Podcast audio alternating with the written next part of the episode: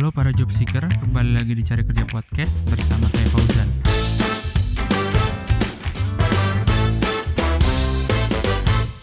Hmm. ambil di sana terus Tapi ke eh, teman-teman kamu ada yang keterima di ITB, teman-teman dekat maksudnya di ITB Unpad banyak ada. banget banyak Hmm. banget banyak banget jadi kita Sedih tuh nggak sih kayak gitu?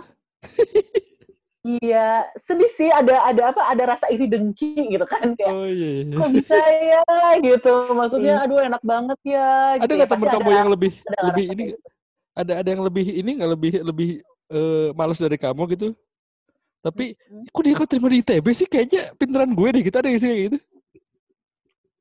Ah, Tapi teman mungkin deket ya loh. mungkin Ah, kamu nggak berani ngomong kayaknya enggak ya maksudnya kayaknya pas akhir-akhir SMA tuh semua orang berubah jadi rajin gak sih kayak orang-orang tuh Hmm. seketika semalas-malasnya orang tuh kayak bener-bener ya udah gimana pun caranya aku harus masuk gitu langsung seketika jadi rajin belajar gitu Enggak juga Itu sih kalau aku sih. lihat. enggak ya Enggak. Soalnya kalau aku tuh ada ada ada anak-anak nih. Anak-anak kan biasa geng-geng cowok kan geng banyak kan gitu. Itu mayoritas keterima di Widya Terus ada yang ke eh, ke Unjani gitu-gitu. Jadi kayak terus ada yang ke Unpad tapi orang kaya. Jadi yang yang bapaknya polisi gitu-gitu atau bapaknya pengusaha. Jadi oh ya udahlah mereka emang wajar sih masuk-masuk sana gitu. Jadi kita kan gak ada gak ada iri dengki gitu. Oh mana di Widya Tama aja gitu. Yang baru udah katunya wah ngenah lah gitu-gitu. Jadi kita kayak kayak ini ya kayak ya udah bareng-bareng lagi gitu ya Eh, jadi kalau nggak nggak ada nggak ada apa namanya nggak ada ini apa ih ke- kenapa ya dia bisa gitu? Dan aku rata-rata kan ini podcast sudah banyak orang kalau cewek itu rata-rata gitu ya sesama temennya lagi kok dia masuk situ gitu ya rata-rata ya? kan biasanya gitu kan perempuan kan selalu ada iri dengki. Tawa aja lu. Aduh, ya kan gitu biasanya. ketawa enak banget dia aja dikeluarin lagi suaranya. Terus terus. Dan terus jadi eh nah, terus akhirnya di unpar matematik Iya, di Unpar matematika gitu kan. Mhm. Terus eh satu semester gitu udah ngerasa sih kayak eh, kayaknya aku nggak cocok gitu. Aku nggak cocok di sini gitu. Hmm. Ada perasaan eh, ini bukan tempatku gitu. Mhm. pertama dari lingkungannya dari lingkungannya aku nggak eh, aku aku nggak begitu cocok lah gitu dengan lingkungannya terus em, sorry emang apa lingkungannya kenapa ya? sih? Iya sebenarnya oke oke aja sih cuma em, Borjuis gitu atau- gimana ya hmm kayak apa ya eh gimana ya ini ini nggak apa-apa nih ngomongin Apa nanti, di nanti, sini nanti bisa di bisa di ini lah bisa kalau kalau bahaya banget bisa di apa namanya? Bisa Diedit. di diedit. eh. Cina ya? Di Cina ya? iya, iya. enggak sih enggak enggak enggak gitu juga sih Eh, maksudnya orangnya baik-baik gitu. Hmm. Eh, oh gini gini gini. Kalau di sana itu eh, cenderung individualis gitu, individualis dan Hmm. eh, jadi kalau misalnya karena ini kali ya karena dari kecil udah terbiasa di negeri, hmm. terus Oh iya iya. iya. em, apa environmentnya beda gitu loh, Iya, iya, iya, ngerti benar, kan? benar, Kayak kalau di negeri tuh apa-apa kayak apa-apa bareng, terus kalau Hmm. eh, benar-benar kayak istilahnya kayak gotong royong gitu loh. Kalau misalnya nggak bisa, pasti akan dibantuin Benar, teman gitu kan. Benar, benar, benar. Nah, kalau di Unpar tuh environmentnya kayak oke, em, ya kita harus usaha masing-masing gitu. Hmm. Itu sih yang bikin berat. Itu yang Hmm. bikin berat sih. Kalau sama Gitu. pelajar apa sama kuliahnya jurusannya Iya. cocok nggak cocok nggak? Nah, itu nggak itu. cocok juga. Ditambah, ditambah eh, mata kuliahnya yang aku Hmm. merasa eh, aku nggak sanggup gitu. Maksudnya aku nggak suka gitu. Aku nggak Hmm. suka dengan apa yang aku kerjakan gitu. Hmm. Eh, Itu sorry masih ingat nggak? Itu gimana Maya? masih masih banget. Jadi Hmm. matematika itu di situ tuh jadi ada kalau nggak salah tuh ada tiga ya, ada tiga penjurusan gitu. Matematika murni, matematika keuangan, sama matematika industri. Ini kalau nggak salah ya. Kalau matematika murni itu kayak benar-benar ngerjain yang pembuktian rumus gitu. Kenapa. Pitagoras tuh hasilnya kayak gitu gitu. Kenapa sampai ada rumus Pitagoras? Itu tuh itu itu tuh diturunin gitu dari Si- dari Ada yang kuliah di situ? Ada yang juru, ada yang mat, ada yang kuliah di situ? ada of course ada Anjir. Pasti Jadi itu orang jarang mandi, dah. itu apa sih? Pitagoras ya udah gitu aja loh. Anjir ngapain dibuktiin? Pembuktian. itu itu per, per maksudnya profesornya dosennya tuh bener-bener aku tahu sih he's a super super smart guy sih Super smart guy kayak I- kayak can- nerdy gitu.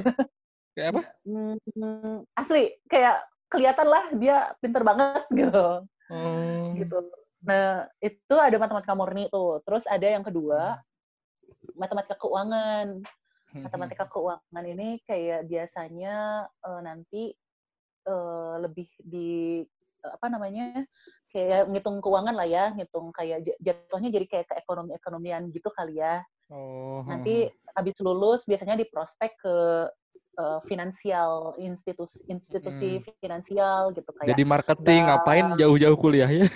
jadi akhir-akhirnya jadi Gitu. marketing. nah gitu gitu kayak gitu Terus bank terus asuransi kayak gitulah Hmm. ngitung premi kayak gitu Nah, yang ketiga itu eh, ini apa eh, matematika industri. Matematika industri itu yang ngitung-ngitung biasanya ya untuk inilah ya untuk eh, pengeluaran perusahaan kayak gitu, Mhm. lebih ke bagian finance perusahaan kayaknya gitu ya. Oh, jadi ada jadi ya apa namanya mirip-mirip ini ya, mirip-mirip ekonomi ya.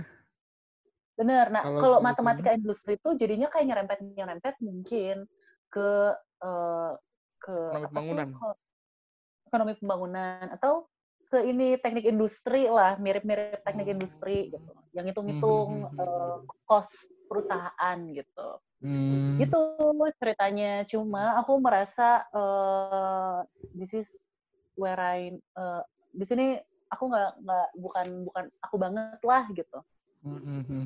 This is so not me gitu kan. Jadi Iya, kayak iya. em, ya sudahlah akhirnya pada saat itu tapi aku nggak mau sampai aku tuh kuliah ada sampai satu tahun Hmm. aku udah mulai ngerasa depresi sih waktu itu jadi eh, aku udah mulai ngerasa kayak aku nggak happy nih di sini aku nggak happy dan eh, performance eh, kuliahku juga nggak bagus gitu Hmm. nilaiku tuh bener-bener E D E D gitu Aku sampai lulus masih kok ada yang D. No. di Tama parah lagi, banget di Widya itu. Tama lagi.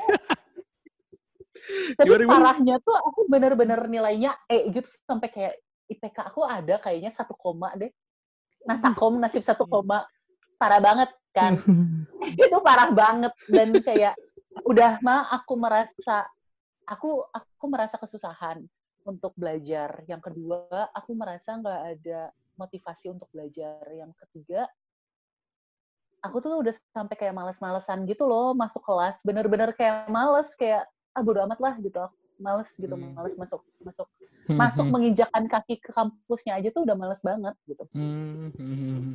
gitu sampai terus akhirnya tapi aku mikir kan aku tipikalnya eh, pada saat itu aku selalu diwanti-wanti sih sama orang tua kayak eh, sampai sekarang sih ini prinsip yang aku pegang sampai sekarang sih once aku sudah memutuskan sesuatu ya aku harus bertanggung jawab dengan keputusanku itu gitu jadi kayak Hmm, hmm, hmm. I cannot uh, take it I will not take it back gitu. Jadi ketika aku udah memutuskan satu itu, ya udah gitu. Aku ber- harus bertanggung jawab dengan keputusan itu gitu. Mau enak nggak enak pahit manis ya udah jalanin gitu. Hmm, hmm, hmm. Di situ aku udah ngerasa aku nggak happy gitu kan. Aku udah depresi terus kayak uh, orang-orang yang terdekatku juga uh, udah notice sih kayak ini ada something strong gitu kan sama aku gitu kan. Um, kayak beng, kayak sering bengong gitu kan bawaannya tuh bener-bener kayak udah nggak Kayak ada putus cinta lah ya. Ah, iya gitu kayak bener-bener oh udahlah gitu kayak mati apa hidup segan mati tak mau gitu. Nah, terus tapi waktu itu belum separah itu gitu. Maksudnya ya masih bisa dihandle lah. Nah, terus Hmm, hmm. eh, di semester kedua itu aku mikir gitu kan. Aku nggak bisa nih kayak gini terus gitu kan. Kalau aku kayak gini terus ya aku mau jadi apa gitu. Maksudnya IPK aku satu koma adanya juga dan kalau di Unpar FYI ya for your information kayak tiap semesternya tuh naik gitu. Maksudnya? Eh, uang uang uang semesteran tuh tiap semester tuh naik. Kayak nih, Serius? serius serius jadi kalau misalnya kalian uh, lulusnya telat, udah aja kayak akan sangat-sangat besar uang SPP kalian, uang semesteran kalian. Dan itu tuh naiknya lumayan sih. Jadi kalau kalau di Telkom tuh kan kayak ya udah kayak setiap semester ya udah 7 juta gitu kan. Mm-hmm. Kalau di Unpar tuh enggak, jadi tiap semester tuh naik gitu. Jadi semakin ka lama kalian lulus, semakin besar juga uang kuliah yang harus kalian bayar gitu. Hmm. Terus sebenarnya mahasiswa mah jarang-jarang mikir ya, orang tuanya yang pusing. Nah itu aku mikir kan, aduh aku nggak bisa nih kayak gini terus karena aku hmm. mikirin orang tua kan, kayak hmm. kayak buset durhaka banget nggak sih jadi anak gitu kan? Kayak, udah mahal-mahal dapat E lagi ya? Oh, dapat E gitu kan, udah mah ya udah kepikiran gitu, hmm. udah mah lulus lama, mahal yang uang uang yang dikeluarin juga mahal banget, begitu lulus juga masih untung dapat kerja gitu kan, uh, kalau IPK-nya nasakom gitu kan, baru-baru dapat kerja terus terus Enggak, aku langsung kayak oke okay, aku nggak bisa nih kayak gini gitu kan hmm. aku harus cari cara gitu nah cuma pada saat itu aku mikir aku aku nggak mau aku nggak mau apa ngerepotin orang tua lagi kan gitu. hmm.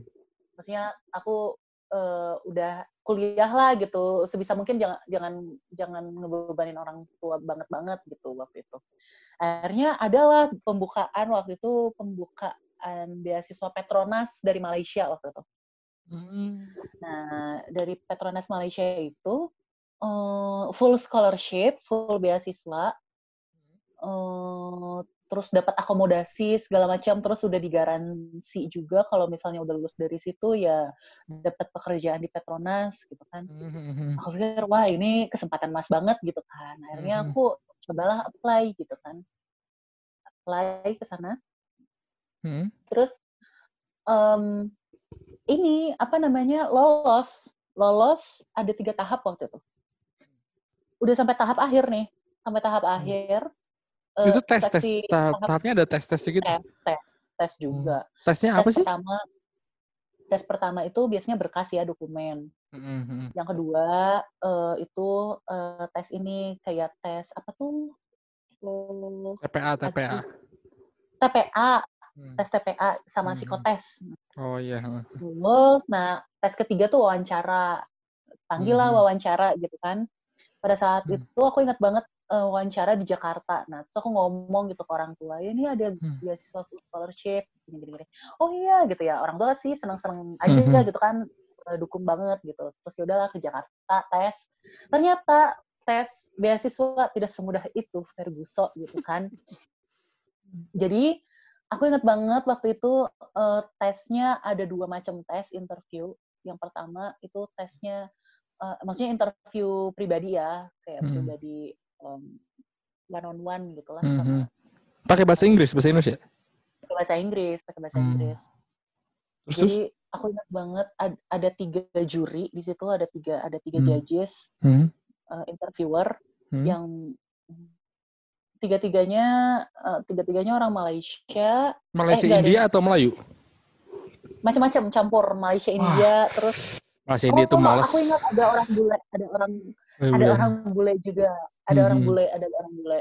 Hmm. hmm, hmm, hmm. Nah, uh, udahlah ditanya gitu kan motivasi dan segala hmm. macam. Udah yang kedua ada namanya group discussion, group discussion jadi kayak uh, maksudnya uh, kita di assign uh, per kelompok gitu, hmm. terus nanti dikasih dikasih satu topik, hmm. satu masalah, gitu. terus hmm. nanti uh, diskusi harus gitu ya atau debat diskusi diskusi dan mengemukakan pendapat lah gitu. Hmm. Dan nanti uh, si uh, judgesnya ngamatin gitu dari pojok gitu, dari samping hmm. gitu uh, nilai masing-masing orang.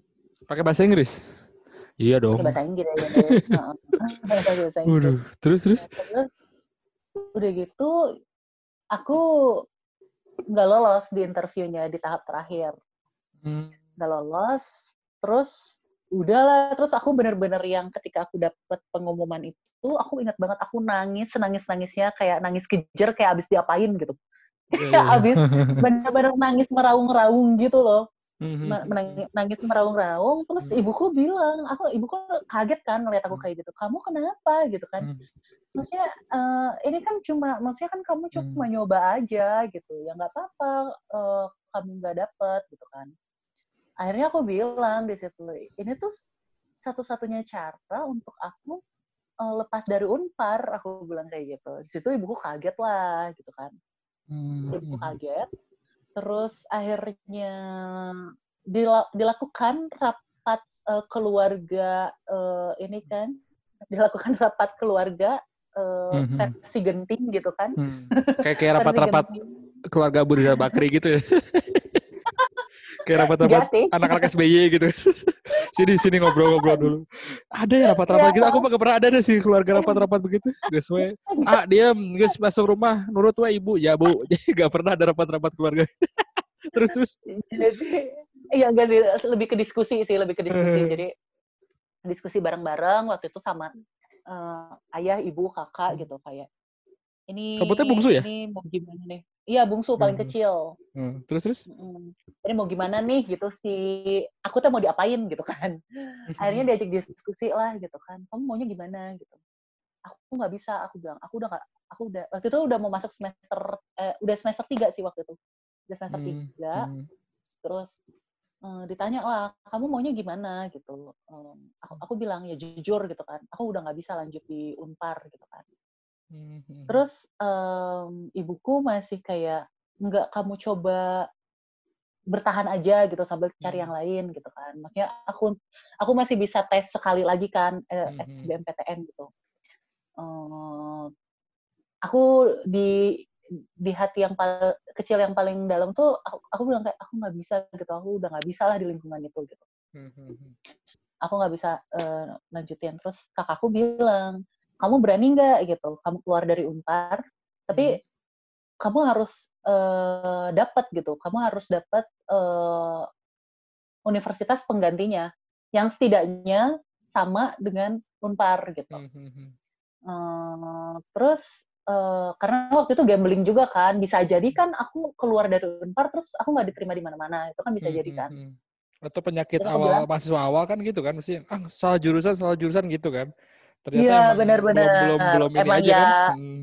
Be- eh, benar Terus terus. terus akhirnya aku ya udah I accepted the challenge kan aku Hmm. bilang kayak oke aku terima challenge-nya gitu kan Hmm. aku keluar dari unpar gitu Hmm, udah lah akhirnya aku keluar dari unpar mengundurkan diri waktu itu terus aku bener-bener belajar untuk SBMPTN persiapan SBMPTN terus aku coba lagi nah coba lagi eh, waktu itu aku udah mulai ini sih tertarik sama bidang aviasi gitu kan bidang aviasi kayaknya seru Hmm. nih ya hmm, kerja di bidang pesawat gitu.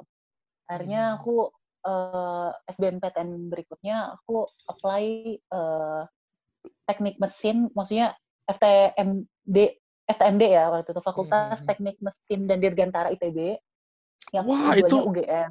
Itu ini ya Habibi ya. Iya, mm. Terus terus. Nah terus udah gitu, U- UGM tadi teh. iya yang kedua, yang kedua UGM Oh. hmm, hmm, Fakultas? Teknik Mesin juga gitu. hmm, hmm. Terus em, sayang sekali eh, tidak lolos lagi. Maksudnya waktu itu masih ini sih, masih masih belum pengumuman waktu itu, masih belum pengumuman. Terus eh, ayah ibu bilang, coba deh kamu eh, coba Telkom gitu kan. Coba Telkom ya, maksudnya Telkom bagus kok gitu. Ya udahlah, ya oke aku ikutin aja gitu kan. Hmm. Tes Telkom, terus tapi aku mikir eh, dari list jurusannya kayaknya yang nyerempet-nyerempet aviasi kayaknya teknik elektro gitu kan. Hmm. Udahlah akhirnya aku tes eh, tes eh, pilihan pertamanya teknik elektro eh, yang pertama pengumumannya keluar itu Telkom gitu dan Hmm. Alhamdulillah aku diterima gitu di teknik Hmm, elektro. Udahlah kan eh, lega lah maksudnya Hmm, setidaknya hmm, oke nih aku eh, bisa kuliah gitu kan, Hmm, hmm, melanjutkan hmm, kuliah. hmm, hmm, hmm. Oh enggak, jadi sebelum itu, jadi sebelum oh sebelum SBMPTN, Hmm. aku juga eh, apply juga eh, di eh, Singapura waktu itu S1 Singapura. Oh, hmm, hmm, hmm. Eh, beasiswa juga sih, beasiswa. Hmm, Jadi hmm, kayak hmm. Di NTU waktu itu, ingat banget Nanyang. Oh, tahu, tahu, ya, ya. Nanyang, Hmm. Na- An- Nanyang sama NUS Hmm, hmm, eh, tes, tapi gagal. hmm. Terus aku sempat apply juga ke Australia, Hmm, gagal juga. hmm, hmm. Hmm, sempat putus asa gitu kan. terus Mhm. tapi kayak ya udah akhirnya ikut SBMPTN terus Hmm. akhirnya Telkom keterima Hmm. eh, pas SBM pengumuman SBMPTN eh, keluar Hmm. ternyata aku tidak diterima lagi di ITB dan UGM sedih banget Hmm. aku tidak sepintar Hmm. itu nah terus akhirnya ya udah akhirnya di Telkom di teknik elektro itulah jadi aku jatuhnya kayak harusnya kan aku angkatan 2011 kan terus Hmm. aku masuk di Telkom itu 2013 Oh, Ya udah 2000. deh Hmm. terus Di Telkom aman tapi itu. Aman nah tapi dari situ aku udah janji sama diri sendiri gitu kayak aku di Hmm. sini nggak akan main-main gimana pun caranya kayak aku Hmm. uh, kuliah bener Hmm. terus uh, apa namanya bertanggung jawab lah sama diri sendiri terus Hmm. uh, lulus cepat dan dengan nilai bagus Hmm. udah itu uh, targetku itu dulu aja gitu Hmm. udah gitu uh, tiga, empat tahun. Tiga setengah tahun Wih, Eden lah elektro loh. tiga setengah tahun. Terus terus IPK berapa IPK? tiga koma eh, enam lima koma gede ya. Untuk untuk teknik tuh Eden loh dapat segitu tuh. Eh, alhamdulillah kebetulan ya dikasihnya segitu Itu elektro tuh apa sih arah-arahnya?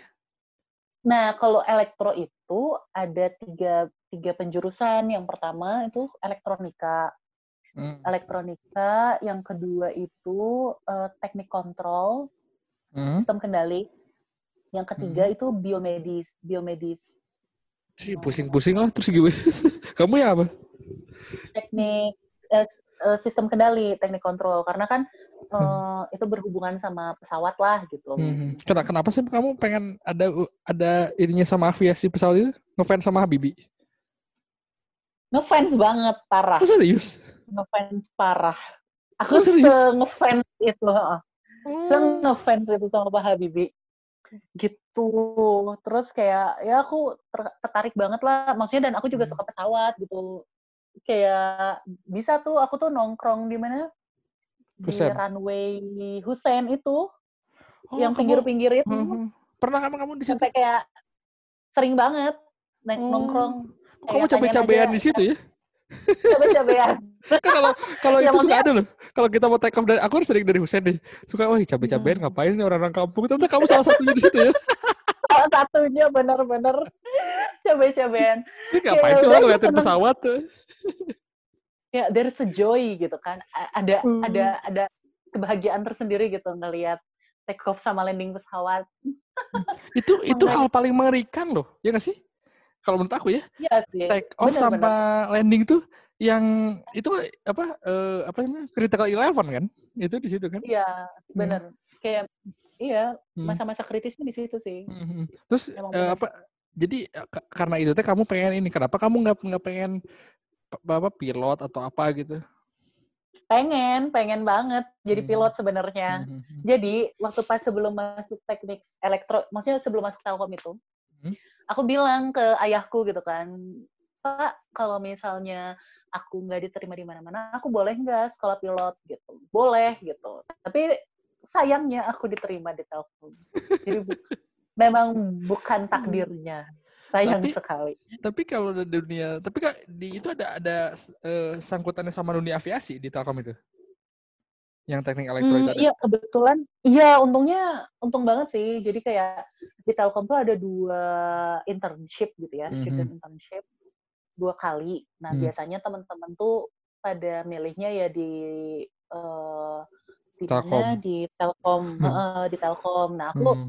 eh, ngambilnya di PTDI di Dirgantara Indonesia gitu Oh.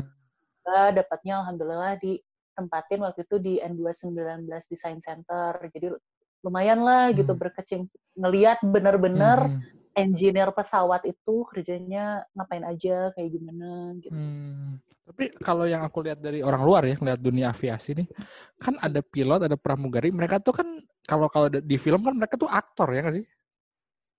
Yang Heeh, yang, iya, yang di iya. depan layar gitu. Tapi kenapa Mm-mm. eh, orang-orang di belakang layarnya nggak terkenal sih? Kalau kalau kalau film kan sekarang udah mulai ya. Eh, sutradara-sutradara kan mulai mulai terkenal nih. Ada Christopher Nolan, siapa siapa gitu. Kalau sekarang udah mulai mulai terkenal nih. Kalau dulu kan nggak begitu terkenal. Nah sekarang di dunia aviasi yang terkenal cuma Habibie doang kan? Dan dia juga iya, karena betul. presiden lagi. Kalau kalau nggak presiden nggak bakal terkenal ada tuh. Kalau menurut aku ya. Iya, bener-bener. Hmm. Kenapa sih kayak gitu di dunia apa penerbangan? Eh, tapi jangan salah loh, mungkin ya mungkin karena apa ya, nggak di blow up media aja sih menurutku. Tapi tuh banyak banget, eh setauku anak-anak Indonesia Hmm? yang jago-jago banget di bidang aviasi. Banyak Hmm. banget orang Indonesia tuh malah jadinya karena waktu itu PTDI collapse, Hmm. jadinya ya udah direkrutin sama Boeing, direkrutin sama Airbus gitu. Hmm. Eh, raksasanya industri pesawat terbang gitu di Amerika sama Hmm, hmm, hmm, hmm. Oh di, di di dunia tuh mereka ya? Itu tuh eh, brand mereka ya? hmm, Oh Air- Airbus Boeing itu mereka punya. Oh itu tuh brand ya? Brand mereka itu. brand, iya brand itu tuh. Oh. Itu, eh, kayak raksasanya inilah raksasanya eh, Oh, pesawat terbang gitu. Itu banyak berarti banyak orang-orang Indo- Indonesia di sana ya? Banget, banget, banget. Oh, gitu ternyata tuh. banget. Hmm. Terus Iya. mereka Iya. tuh untuk mendevelop pesawat. Iya, heeh, dengan Oh. keahliannya masing-masing. Jadi kan kalau kita kan ngelihat pesawat ya udah gitu kan, tapi sebenarnya tuh banyak banget Hmm. detail-detail part-part kecil-kecilnya gitu. Hmm. Terus- yang Ka- Kamu tahu gak sih kalau misalnya pesawat itu eh apa namanya? Yang human error tuh tertinggi dalam kecelakaan ya? iya, mm, mm, mm. Kalau kalau ini yang yang paling ini berarti pesawat itu didesain buat aman berarti ya? banget. Jadi sebenarnya pesawat teknologi pesawat itu adalah teknologi yang paling canggih di dunia. Jadi karena nggak nggak boleh ada error, benar-benar didesain nggak boleh ada error. Gitu. Jadi pasti paling canggih. Hmm, jadi jadi mereka tuh emang iya sih. Soalnya dari dari motor dan pesawat lebih banyak yang kecelakaan motor kan daripada Iya. pesawat gitu. Betul betul. Hmm. Makanya karena Hmm. itu tuh kritis banget. Jadi kayak emang didesain untuk ini Hmm. sih nggak boleh ada error gitu. Hmm. Nah, Gitu deh. dari itu dari kamu di di Telkom itu kan tiga setengah tahun tuh. Terus dari Hmm. itu langsung kerja atau gimana? Enggak, enggak, enggak sempat kerja. Jadi Hmm. waktu itu emang pengen langsung S2 waktu itu pengen S2 karena aku mikirnya "Hmm, aku nggak cukup S1 gitu. Pengen pengen Hmm. S2 gitu. Target Eh, kamu maksudnya buat kayak- S2 apa? Eh kayak untuk investasi diri aja sih kayak aku pengen lebih ngembangin diri, pola pikir, maksudnya untuk eh, aku merasa eh, dengan S2 aku bisa lebih mengembangkan pola pikir gitu kan, pola pikir dan eh, mendalami eh, ilmu yang yang emang aku pengen tekuni nantinya gitu. Hmm, hmm, hmm, hmm, hmm. gitu. Jadi Hmm, pengen terus- jadi spesialis gitu, pengen jadi spesialis gitu. Hmm, Terus hmm, hmm. akhirnya waktu itu Hmm. eh ini Sherly tahu banget sih ceritanya. Jadi Hmm. eh aku sempat apply ke beberapa tempat eh, untuk S2 Hmm. dan waktu itu aku apply di Inggris waktu itu University of Manchester, Hmm, Cranfield, hmm. dan, eh, Cranfield University sama satu itu itu lagi udah ini. keren sih meskipun di- meskipun di sini kayak sekolah tingginya itu nggak apa-apa lah yang penting Manchester kayak University of Iya. Manchester oh keren keren padahal mungkin di sana aku nggak tahu Jadi Iya. kayak sekolah tinggi ekonomi apa gitu di sini itu Terus- lumayan itu terkenal banget sih itu terkenal banget sam- Mhm. eh, untuk engineeringnya gitu Mhm. dan terus alhamdulillah tuh keterima keterima. Aku terima tiga iya jadi aku ada tiga univ waktu itu tuh. Manchester Cranfield University sama satu lagi tuh apa gitu aku lupa. Cambridge University di mana? Di di Inggris juga? Iya di Inggris juga. Tapi itu Mhm. eh, khusus untuk pesawat jadi kayak oh iya eh, gitu. Terus terus? Dan nah itu tiga-tiganya keterima. Cuma masalahnya waktu itu aku aku bukan dari aku, bukan dari keluarga yang tajir gitu kan. Mhm. dari bukan dari keluarga yang eh, berlebih gitu. Jadi Mhm. eh, aku nggak bisa I cannot afford untuk eh, biayain sekolahku di luar apalagi di luar untuk S2 gitu. Maksudnya untuk biayain sekolahku di sini aja aku rasa aku nggak bisa. Maksudnya aku nggak bisa gitu. Dan kasihan orang tua aku aku nggak mau. Jadi emang eh, aku emang udah komit gitu. Jadi kalau misalnya S1 ku udah selesai ya udah tanggung jawab orang tua udah selesai gitu